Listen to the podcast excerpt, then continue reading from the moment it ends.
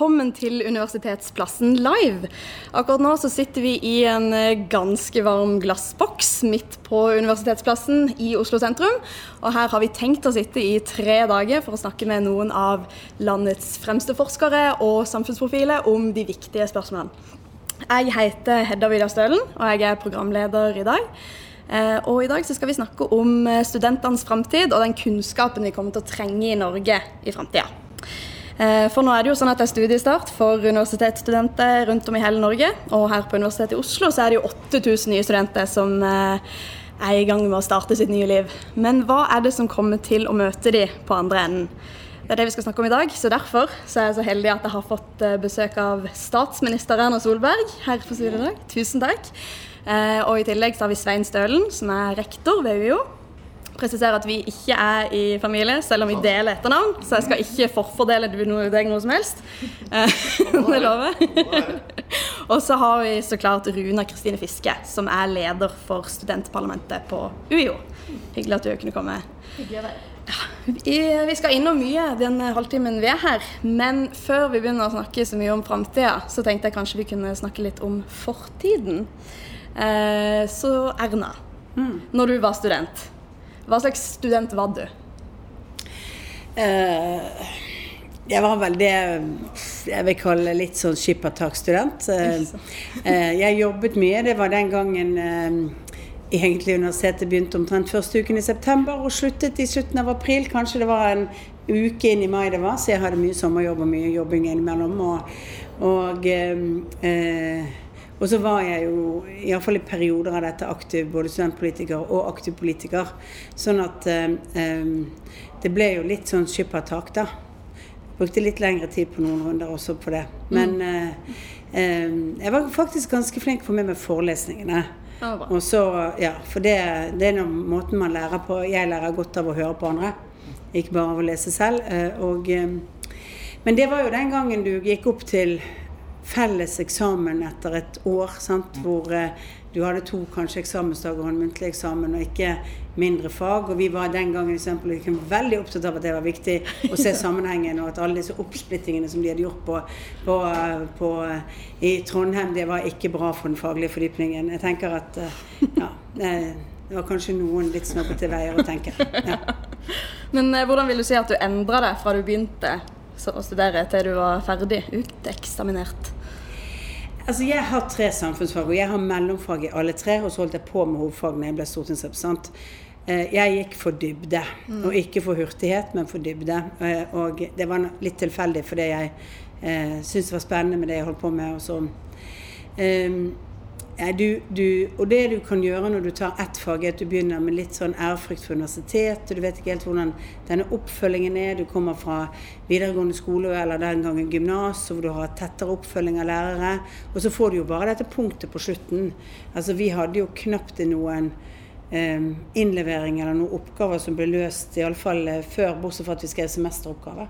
Sånn at du, du, visste veldig lite, du var usikker på hvor du sto faglig mm. eh, før du faktisk var oppe til eksamen. Og klart, Det får du en litt større etter hvert når du har studert en stund, så får du større følelse av både, både hvordan det er og sånt. Men begynnelsestiden er jo litt sånn nysgjerrig og annet, og, og eh, ja um, Alle for andre får ja, mm. forventninger om hvordan det er. Mm.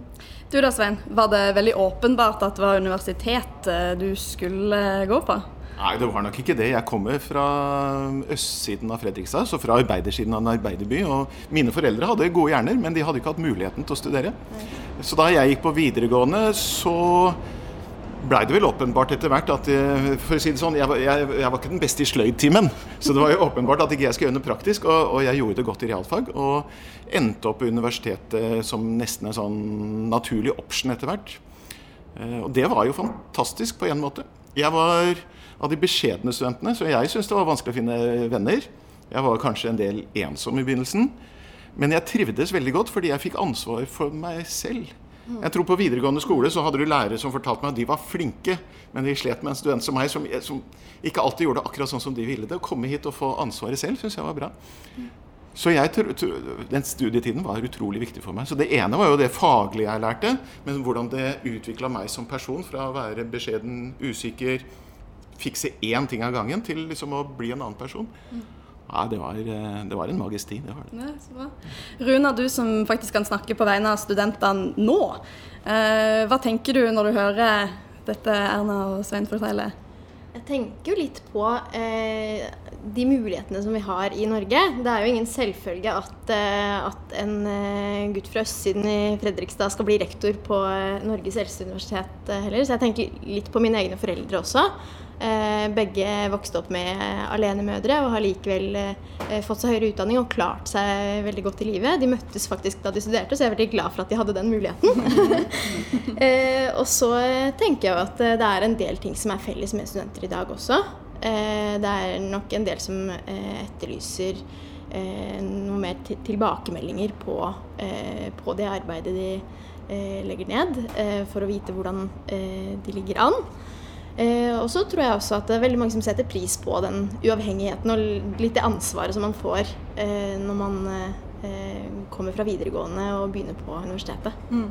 Likte du å være uavhengig? Ja, altså jeg var overmoden for det. Det vil fraværsbeviset for min uh, videregående skole vise. Jeg hadde også sittet i sentralstyret i Norges Gymnasiastsamband. Jeg hadde drevet med mye av disse rådet for videregående opplæring. Altså jeg var jo litt hyperaktiv før jeg kom på universitetet og hadde vært leder for Operasjon Dagsverk på landsbasis. Så jeg eh, var nok litt motsatt av deg, altså selvgående. Og så studerte jeg min egen by. Sånn at jeg hadde jo venner fra Jeg kunne veksle mellom de vennene jeg hadde fra, fra skolen før, og nye venner i fagene. Eh, og, og, og sånn et eh, eh, litt annen på en måte inngang til at jeg hadde et veldig bevisst forhold til utdanningspolitikk og skolepolitikk. og Satt faktisk da også i, i skolestyret da, etter hvert som jeg i byen samtidig. Så ja, det ble litt eh, Jeg forholdt meg faktisk unna studentpolitikken ganske lenge fordi jeg var så aktiv på de andre planene, men så ble jeg da shanghaiet inn i slutten av studietiden min. Så jeg satt i, i det gamle akademiske kollegiet på Universitetet i Bergen den gang var stor og bredt i tre år eh, som, eh, som, studentrepresentant. Ikke sant. Men hvis vi nå skal bevege oss videre til da framtida, som er det vi skal sånn, faktisk snakke om i dag, eh, så er det jo sånn at vi vet jo ikke helt hva framtida vil bringe. Vi vet jo kanskje at bærekraftig utvikling vil være viktig, og ny teknologi. Men hva, hva slags type kunnskap er det vi kommer til å trenge? Hva, hva, hvordan kommer arbeidslivet til å se ut? Altså Det som er vanskelig, er jo at du, du trenger mer og mer kunnskap. Mm. Og du trenger mer og mer kunnskap fra ulike felt. Eh, når jeg gikk på sosiologi grunnfag, så hadde vi en professor som het Knut Knutsen, eh, eh, som, som, da sa vet at dette faget var jo sånn at for ti år siden, hvis du leste Dagbladet og hadde lært deg noe vokabular, så sto du på eksamen. Nå må du også lese metode, sa han. Han var selvfølgelig metodeforeleser. Sånn er det jo ikke lenger. At, at, sant, altså, vi trenger folk som er gode og spisse i fagområdene sine, men som har kunnskap om en del andre ting. Vi trenger folk som er kreative og kan jobbe i team. Og som, så Veldig vanskelig egentlig for universitetene å sørge for at du både kan basis, eller for hele utdanningssystemet vårt. Altså Jeg mener jo fra grunnskolen av, altså det å lære å lese og skrive engelsk og matte og altså realfag og uh, digitale ferdigheter er helt grunnleggende. Du kan snakke alt om alle de andre tingene som skolen også skal være der for, men kan du ikke det, så kommer du til å slite. Og det er det som gir mestring å lære det. Og, og, litt sånn er det på universitetet òg. Du må ha en fagkjerne. Men vi kommer til å trenge mye mer folk som f.eks. skjønner hvordan du kan bruke moderne datateknologi inn i de fagene du har for øvrig. Mm. Altså sånn, sånn at du Eh, men ikke, vi trenger dataeksperter, men vi trenger ikke bare dataeksperter som skal komme og fortelle lærerne hvordan dette er med data, eller hvordan sykepleierne skal utøve det. Så det, vi trenger jo mer å, å, bygge den kunnskapen på andre måter. Eh, og da er det jo litt eh, eh Høyere utdanning eh, er veldig forskjellig. Noen er veldig profesjonsorienterte og veldig detaljerte. Noen utdanninger, som mine utdanninger, gir jo deg en modellforståelse og en, en måte å tolke og mestre og lære deg å, å bruke data og kunnskap. Uh, og, uh, og det, den evnen trenger du. Sant? Mm. Men så er det jo ikke sånn at du nødvendigvis trenger å jobbe med akkurat det du har studert. Du kan jobbe med noe helt annet. Fordi bare den evnen du har fått gjennom studiet, er viktig. Mm. Hvordan uh, tenker du at det skal legges opp til da, Svein? Jeg vil bare kommentere kort også. Jeg tenker at De krisene vi står overfor, viser jo noe av det kunnskapsbehovet samfunnet har. Både mm. covid-19 og klima. Mm. Jeg var i går og var med å åpne denne, denne grønne Arendalsuka. Og det å høre næringslivslederne snakke om teknologi, men ikke teknologi aleine. For du må se teknologi sammen med regulering, med lovmessige ting, med hvordan folk tenker det globale perspektivet osv. Så, videre. så jeg tror noe av det vi må evne i større grad, og som vi har i vår strategi ved Universitetet i Oslo, det er at alle våre studenter skal evne å sette sin utdanning i et samfunnsmessig perspektiv. Det betyr at vi skal lære kompetansen, som du må ha, men vi må også klare å forholde det faget til det som skjer rundt. Og vi trenger en slags flerspråklighet når det gjelder fag. Det er ikke nok å være kjemiker som jeg er, men du må også klare å, å skjønne det og snakke sammen med en samfunnsviter eller en jurist på det området. Så Det tror jeg er noe av den utviklingen vi kommer til å se. Og så utdanner vi jo folk med en kognitiv grunnmur, hvis vi skal si det komplisert, eller en basisutdanning som gjør at du evner å lære. Så det å lære å lære og det å kunne utvikle seg, det må vi legge grunnlaget for. Og så vil det være litt ulike, ulike institusjoner, men for Universitetet i Oslo så tror jeg det er ekstremt viktig. Mm. Men ja, hvordan spesifikt er det man skal gjøre opp, da, legge opp et studieløp da, for at man skal evne å lære? Og... Ja, du, det, det, er jo vanskelig å svare på, for det er så ulikt du, om du skal inn og gjøre en profesjonsutdanning på odontologi. Eller om du har eh, en, en, en jusutdannelse. Så jeg tror nok at det er veldig viktig å, å, å se dette i også konteksten av det faget. Eh, men jeg tror noe av det viktigste er at vi skal lære studentene å være med i dialoger og diskusjoner hele veien. Involvere de godt. Jeg tror at noe av det viktige for våre studenter er å lære det å være kritisk. det å, å stille spørsmål, det å stå i uenighet, det å ha klasserom hvor du faktisk diskuterer, hvor du hører meninger du kanskje ikke liker selv, men som du skal tåle, og som du skal være med å diskutere i. Noe av, av det er ekstremt viktig for det norske demokratiet, som er avhengig av en en befolkning som evner å tenke kritisk, som evner å stille spørsmål, men som selvsagt har kunnskap og ser etter løsninger. Det er jo ekstremt viktig. Vi må mm. Uh, du, du, nevnte jo uh, den pandemien vi er i som et eksempel på uh, et kunnskapsbehov. Hva er det vi har lært om den kunnskapen vi trenger for å kunne håndtere sånne kriser? Vi trenger masse kunnskap om, om, epidemiologi, om virus, om immunforsvar og alt det som skjer i kroppen. Men vi trenger også kunnskap om hvordan samfunnet fungerer under den typen stress som vi har. Om hva som er de viktige mekanismene som mobiliserer f.eks. handling og atferd blant folk. Eh, hvordan kommuniserer vi til ungdom under fadderuken for at de skal ta inn over seg den rollen de kan ha i smittespredningen uten å ta livsgleden fra dem. Altså det, er mange, altså det er mange elementer i en sånn bit. I kjernen så ligger liksom smitteepidemiologi. Men det er klart det er mange som kan si eh, frihet under ansvar. Um, og du kan si at nå, gi alle opplysninger til folk, og så oppfører det seg helt sånn. Nei, av og til må du være litt strengere. Sant? Av og til må du gå litt tydeligere. Av og til må du må du, også for at folk skal få med seg. Sant? så Det gjelder både kunnskapen om samfunnet og kunnskapen om, om uh, andre ting. Og så er jo Litt av utfordringen til universitetet er at du trenger Vi har alltid hatt utgangspunktet det er forskningsbasert undervisning som skal være. Uh, og det er en forskningsutdanning. Uh, og litt av det som har skjedd de siste årene, vil jo jeg si, er jo at man, man har klart å se at kanskje må du ha to løp. At du har en generell utdanningsløp, og så har du et forskningsbasert utdanning, altså, for, altså, en forskerutdanning inn i det hele. Eh, fordi at eh, de kravene du har til de som skal virkelig gå i dybdestudiene fremover, kan være litt annerledes til de som skal gå ut og praktisere ting i et samfunn og være arbeidsrelevante. Vi jobber med denne meldingen om arbeidsrelevans, men noe av det interessante jeg ser, er at noen steder på universitetene nå så har man gjort lagt løpene at istedenfor å ta en master, så går du integrert opp mot doktorgrad sant, i det løpet. For da er du på vei til å skulle ta forskningsveien hele veien. Um, og det tror jeg Jeg tror vi må tenke litt sånn at du kan velge litt mer praktisk orientert. Og så er jeg veldig opptatt av det gjelder ikke bare høyere utdanning, men det gjelder alle utdanningsløp. Det må være mulig å få lov å velge på nytt. Mm. Altså Hvis du har lyst til å gå fra å ha valgt en eh, både velge mellom utdanning og skifte på den, men det må også være mulig å f.eks. si at jeg begynte der, men jeg har lyst til å bli forsker likevel. Altså veiene tilbake. Og så blir det jo sånn viktig å huske at universitetene nå ikke eh, Jeg pleier å si at Lex Gudmund Hernes som utdanningsminister, veldig bra på noen områder.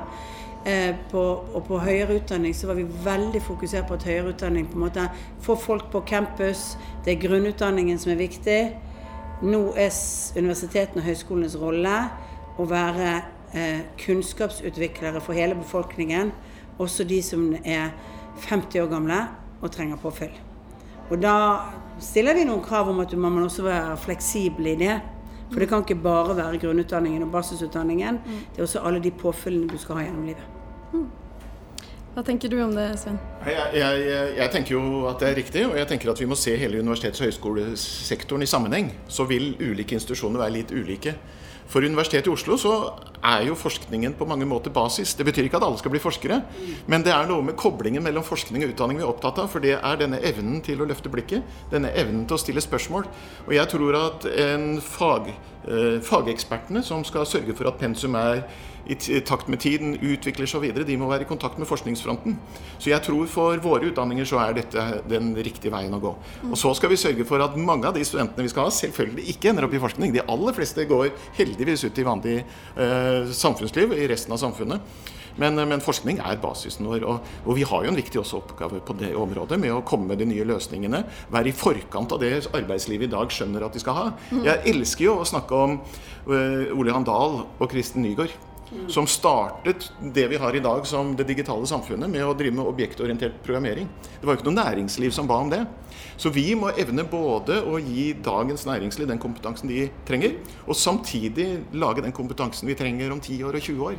Og Det er jo noe av det som jo alltid er en utfordring, men hvor vi jobber kontinuerlig for å få det til. Og vi skal gjøre vår del av etter- og videreutdanning, selvsagt også. Mm. Eh, du Runa, eh, hva, hva, savner du eh, som student når det handler om en utdanning som skal gjøre deg klar til en framtid du ikke er helt sikker på. Hva trenger studenter for å være sikre i en usikker framtid?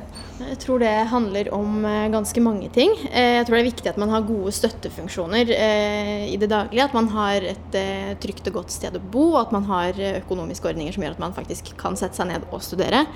Og at man har sosiale opplegg og får seg venner. og folk man kan Eh, eh, studere sammen med. Eh, det hjelper ofte å ha noen å studere sammen med.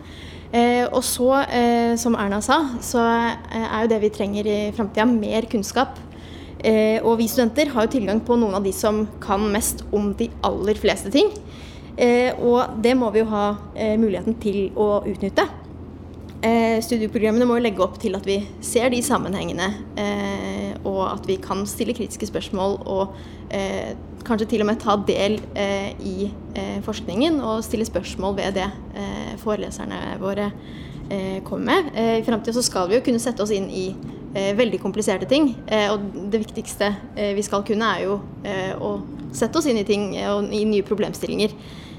og ta kunnskapen vår i bruk. Mm. Så det vi eh, kanskje savner litt, eh, er jo eh, det, det, å vite litt hvor man ligger an. Eh, jeg tror eh, mange trenger en slags eh, bekreftelse på at man er på riktig vei. For det er jo litt for sent å forbedre seg etter at man har hatt eksamen. da kan man bli forsinka i studieløpet, og det har jo igjen eh, f.eks. konsekvenser for økonomien til studenten. Eh, men hva vil disse studentene sjøl gjøre, da? Hvordan har søkertallene vært? Hvor ligger interessen? Vi, vi, har jo mye søkere til høyere utdanning generelt. Jeg vet ikke om mm. statsministeren vil starte? Ja, altså er, det, det, er jo mange, og det, det, det, er jo mange som er blitt avvist i år. Mm. Til tross for at vi har økt med 4000 studieplasser. Nå er det nok kanskje mange som søkte i mars i den situasjonen vi var i. Som, for det ser ut som disse søkerlistene, altså ventelistene, eh, ryddes fortere enn det det har vært vanlig. At det er nok en del som ser at arbeidsmarkedet er bedre, at de er fortsatt i, eh, i jobb og, og, og, den typen ting. Men det, det, er et dilemma for oss, for det at eh, vi utdanner nok litt flere på utdanningsområder som det er mindre behov av i fremtiden i Norge, enn det samfunnet vårt egentlig trenger. Og Det dreier seg bl.a. om at vi er blant de landene i Europa som har lavest såkalt STEM-fagandel. Altså teknologi og altså life science og, og, altså, og, og hele den biten som, som, vi trenger flere av for utviklingen. Vi, har, vi, var jo gjennom den store veksten på 70-tallet av utdanningsplasser. var jo Samtidig som offentlig sektor vokste mye og vanlig mange flere skulle administrere hverandre. Og så ble det mange utdanninger for administratorer. Og det var jo den største utdanningen i år, var jo økonomiutdanningen for mest for å administrere. Og jeg sier, jeg sier dette med sånn tankekors, for vi må nok ha en diskusjon fremover om hvordan vi flytter studieplasser mer mot de behovene samfunnet vårt kommer til å ha. Mm. Og da er ikke det alltid sånn at det er det samme som de mest populære eh, linjene. Det var en periode hvor alle skulle bli journalister i Norge. Det var, det, det var jo det absolutt mest populære ved siden av medisin. Vanskeligst å komme inn på. Alle skulle bli noe i media. Og så brakk jo egentlig media litt ryggen eh, under finanskrisen, og, og veldig mange har vært utdannet der. Men, du, men, men, det betyr ikke at ikke du kan bruke den utdanningen til kjempemye. Altså, eh, så, så, så, det er mange utdanninger du kan bruke til mye annet enn det vi tenker. Men der vi kommer til å ha mangel, og vi har for lite, det er gradvis dette med stemfag. Og det er ikke nødvendigvis det studentene syns er mest populære. For det må du begynne med å få barn og unge til å like realfag. Mm. Du må ha bedre realfagslærere i skolen. Det er en sirkel som vi er nødt til å, å, å, bli bedre på. For det er heller ikke der vi har vært gode nok i norsk skole. Eh, mange flere ungdommer har valgt realfag de senere årene. Kjempebra, de har skjønt den veien. Men vi trenger enda flere. Og, eh, og gradvis så må vi nok da stille spørsmålet kan universitetene bare bestemme hvor de plasserer studieplassene, eller må vi vinkle litt annerledes. og fremover. Og dette, dette, er vanskelige temaer. Jeg har selv sittet i Universitetet i Bergen sitt styre da, på det tidspunktet, akademiske kollegiet, og sittet i kampene på, på 80-tallet, når man begynte å bygge opp eh, eh, oljerelaterte fag og måtte nedbemanne i humaniora for å Den gangen var det enda vanskeligere enn det er i dag. Eh, og sånn. Eh, så, så, jeg skjønner at det Men, men vi, og vi kan ikke bare legge på. Det blir viktig. Mm. Vi er jo velsigna ved Universitetet i Oslo. Vi har svært gode studenter. Vi har høye søkertall. Eh, og vi har jo også arbeidsgivere som liker våre kandidater, så vi er jo veldig populære. De går ut av eh, vår institusjon veldig fort. Og så har vi en bredde som jeg tenker er viktig. Og så har vi et arbeidsliv i Norge som jeg også vil utfordre her. For hvis du drar til England, så er det jo ikke sånn at eh, du nødvendigvis må ha akkurat den utdanningen for å, den, for å få den jobben. Så jeg tror at det vi utdanner, og også mange av de som er på samfunnsvitenskap og humaniora, faktisk er veldig gode og brukes i mye annet enn det man tenker i etterkant. Og de er jo faktisk veldig populære på arbeidsmarkedet. I år så har vi en veldig stor tilstrømning på idéfag. Og jeg tror det har noe med hele den samfunnssituasjonen vi er i. Og så vet vi jo at de også faktisk ender opp i ledende posisjoner rundt omkring i samfunnet i etterkant. Så, så, det er litt vanskelig dette her, men jeg er helt enig i at det er en debatt vi må ha på mm. hvordan vi gjør denne dimensjoneringen. Og, og, det er jo ikke slik at det er studentenes eh, hva skal vi si, hvor mange studenter som kommer som, som definerer vår størrelse. Så det er en sånn interaksjon med samfunnet, med arbeidsgivere, med politikere, som jo definerer en del av, av, av eh, dimensjoneringen her. Og den tror jeg vi skal ha videre. Det er jeg helt enig i. Mm. Men jeg er egentlig ganske fornøyd på vegne av Universitetet i Oslo hvordan utviklingen har vært de siste årene. Okay. Jeg ser at du, Runa, hadde lyst til å Ja, eh, jeg tenkte på det her med hva som trengs i framtida. Sånn er jo veldig vanskelig å eh, vite nå. Eh, men jeg tror det som er veldig viktig, er at eh, samfunnet forstår eh, hva vi gjør og hva vi kan, og hvilken kunnskap som eh, fins på universitetet og fins blant eh, kandidater som går ut av universitetet. Og da er det også veldig viktig at vi eh, settes i stand til å formidle vår kompetanse. og At vi kan snakke om eh, hva vi kan. Og der tror jeg også vi har eh, en liten vei å gå. fordi man lærer jo utrolig mye. Man har jo, som jeg sa i stad, eh, tilgang på de kanskje mest kompetente menneskene i, kanskje til og med i verden på en del fagområder. og så trenger man kanskje litt den selvtilliten på at det her kan jeg faktisk veldig godt, og det er dette min kunnskap kan brukes til. Mm. Mm. Ja, men, men, det vi trenger er jo altså, Vi kommer til å ha større vekst i privat arbeidsliv i årene fremover. Vi trenger å ha et privat arbeidsliv som er mer kunnskapssøkende, forsker mer, utvikler mer. Så det er ingen tvil om at folk med høyere utdanning og med ulike kombinasjoner For det er klart hvis vi f.eks. jobber med det grønne skiftet, ja du må ha teknologer til å gjøre det. Og så har vi litt for få av de teknologene, det mener jeg nok at vi bør ha flere av. Men, men, men skal du forstå hvordan teknologi fungerer i et samfunn, så må du også ha folk som har forståelse av det. Da tror jeg det er viktig å tenke at eh, man må, jobbe med tverrfaglig problemløsning, og jobbe mye mer med den typen ting også i mer av utdanningene fremover. Uh, og noe av utfordringen vår er jo f.eks. på profesjonsutdanninger hvor du altså trenger mer inn f.eks. av teknologi inn i profesjonen. Eh, fordi du trenger, de, du trenger både leger og sykepleiere som, ser, som, skjønner hvordan du kan bruke data, hvordan systemene er, og som har en åpenhet for det. For, også for utviklingen. Det er viktig å ha fagfolk inn i dette. Eh, ikke bare i behandlingen av folk, men også i utviklingen av ny f.eks. medisinsk teknologi og teknologiske løsninger. Så eh, jeg mener jo at høyere utdanning alltid er bra. Altså, eh, så, men Eh, men faglig sett eh, er det kanskje dette med også å jobbe med, å jobbe med tverrfaglige problemstillinger som også blir en viktig del av utdanningen. Mm. Jeg vil jo si at Dette med digitalisering blir jo svært viktig. Det å ha kompetanse på IKT. Og Vi har jo jobba veldig mye med det. Har puttet det inn i alle program på realfag. Men vi er i ferd med å putte det inn mot samfunnsvitenskapen og humanora også. Så det å få det inn i alle studieprogrammene gjør også at de blir mer attraktive på arbeidsmarkedet. Så tror jeg på samspill med samfunnet. Det har vi vært opptatt av i hele vår valgperiode her. Vi har jo så heldige at vi får statsministeren på besøk neste uke òg. Da skal vi snakke om Oslo Science City, som er Norges første innovasjonsdistrikt. Og hvor vi jobber med alle de andre forskningsinstitusjonene i Oslo for å lage lage hva skal vi si, en randsone rundt Blindern som gjør at vi får næringsliv nær oss, får til den vekselvirkningen. Da får vi til også en del av denne, denne, denne tverrfagligheten og samspillet med andre deler av sektoren. Så ja. Ja, og Det betyr også å tilrettelegge f.eks. for, for uh, samarbeid med arbeidslivet mer på masteroppgaver, mer på annet. Altså, vi ser jo at, at uh, på de fagene og de områdene hvor man på en måte har vært ute i arbeidslivet, i f.eks. i en periode når man jobber med master eller annet, så blir det sett mye pris på i arbeidslivet. Men det gir deg også en mye sterkere følelse med hva, hva er det man trenger. Altså, det? Og jeg er helt enig i at det er mange ulike grupper som trenger, trengs. Øh, øh, og og så er det en litt sånn, det er en litt sånn diskusjongreie om at altfor mange tar høyere utdanning. Nei, i Norge er vi ikke på topp. Vi er ikke på topp ti engang i hvor mange som tar høyere utdanning. Så vi må slutte liksom, for høyere utdanning er en måte å, å å ha med seg til veldig mange jobber og, og bidra til, et, eh, altså til å, å, komme med et forskningsbasert blikk og komme med utdanning og alt annet. Så går det av og til inflasjon i at du må ha høyere utdanning for å få en jobb. Det syns jeg også er unødvendig, for realkompetanse er viktig. Det vi, men det vi trenger egentlig er både flere som har master og flere som har mesterbrev, eller flere som har tatt det fagbrevet. Vi trenger flere veier inn. Og så trenger vi mye mer eh, etter- og videreutdanning. Eh, og jeg tror jo at eh, det var jo noen av oss med gamle utdanninger som, har, som var lengre enn en masterutdanning er i dag.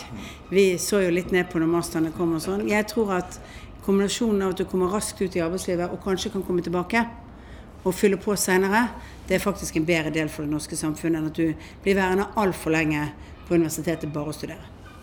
Kan jeg få legge til at jeg må slå et slag for den nordiske og norske modellen. For vi har jo et veldig stabilt samfunn, og Universitetet i Oslo ble jo oppretta i 1811 mm. egentlig for å sikre at vi fikk et embetsverk som sikra nasjonen. Og vi er jo fortsatt der at Universitetet i Oslo er en utdanner som er veldig viktig for hele statssystemet og kommunene osv. Og, så og det er også en viktig ting å ha videre.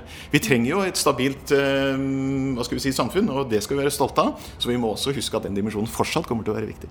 Ja, Så nå har vi vært innom mye, men for å oppsummere det vi trenger. Vi trenger kritisk tenkende studenter som eh, kan masse, ikke bare litt. er det greit oppsummert? Og vi trenger teknologi. Og vi trenger Hjelp meg her. Vi er raskt på lufta. Både dybdekunnskap ja. og problemløsning. Og det er krevende, for dette problemløsning krever modning. Og, eh, og, dybdelæring krever liksom at du har fått gå det ganske langt ned i det. Og det, det, er liksom utfordringen fremover. Det er å få til begge de to tingene. Ja, samtidig, og levere på ja. dagens utfordringer, og også framtidens utfordringer. Så enkelt som det. Ja. Nei, men det er veldig flott. Eh, jeg tenkte bare for å avrunde litt nå. Eh, for det er jo tross alt Studentene skal jo tenke på framtida, de skal tenke på nåtida, men de skal jo òg kose seg. Eh, så jeg lurte på om til avslutningsvis at vi kunne ta en liten runde og komme med et godt tips til de vordende studentene. Runa, hvis du har lyst til å begynne. Ja, jeg vil jo si at det er viktig å huske at å studere er mer enn forelesninger og lesesal. Bli med i en forening, bli kjent med medstudentene dine. Utforsk studentopplevelsen eh, ha det gøy eh, og ta vare på hverandre. tror jeg er ekstra viktig den høsten her. Fint. Jeg vil si at når vi, når vi, hører statsministeren og Runa og meg med ulik bakgrunn, så tenker jeg tro ikke på de glansbildene om hva som skal liksom være resepten på å være vellykka som menneske. Stol på deg sjøl, du er god nok. Det tror jeg er ekstremt viktig. Vi er ulike, ikke alle er like ekstroverte osv. Stol på deg sjøl. Og så pleier jeg alltid å si, da jeg står på trappa her til slutt og det tenker jeg er et godt råd, selv om det er litt rart råd fra en rektor. Et godt råd å rive, det er vær snill. Det siste er jeg helt enig i. Og så tenker jeg at um, det er ganske viktig at um, du Hvis du tenker på hva du skal gjøre i jobben senere, så er det noen få fag hvor man blir overstirrende på karakteren du hadde. De fleste steder ser du på hva du har gjort ved siden av også. Eh, og det jeg har gjort noe i studentpolitikken, i organisasjoner, i andre ting, bidrar til det, er faktisk også en del av denne eh, å forberede seg til fremtidig arbeidsliv. Da, da, det har en betydning. Det har en betydning når jeg ansetter folk, og ser om gikk de hurtigst mulig gjennom universitetet og var sære, eller gjorde de noe mer. Eh, så det er oppfordringen. Og tenker jeg at vi skal ta vare på én ting, og det er eh, psykisk helse. Det er en utfordring, så se hverandre. Eh, jeg, min mor var sekretær på psykisk helse for studenter altså syk, i Bergen i alle år. Kommer litt til å være snill, ikke sant? For det er det med hvordan vi samhandler. Og se på andre, og trekk de, trekk de med også i en kollokviegruppe for å snakke fag. Eh, og sånne ting, og ikke la noen bli sittende helt alene. For det, det, er, det er, vanskelig når du kommer til et annet sted f.eks. å bli kjent med folk. Og, ja. Litt må du gjøre selv, men litt må andre være åpne nok. Veldig fint. Tusen takk for at dere tok dere tid til å komme her i dag. Statsminister Erna Solberg, rektor ved UiO Svein Stølen og eh, Runar Kristine Fiske. Det var veldig hyggelig. Eh, dere der hjemme som har hørt på, takk for at dere gjorde det. Eh, vi er Universitetsplassen live. Vi skal fortsette utover dagen. Du kan følge dere på Facebook og der du hører på podkast, og så skal vi komme med masse mer spennende. Tusen takk.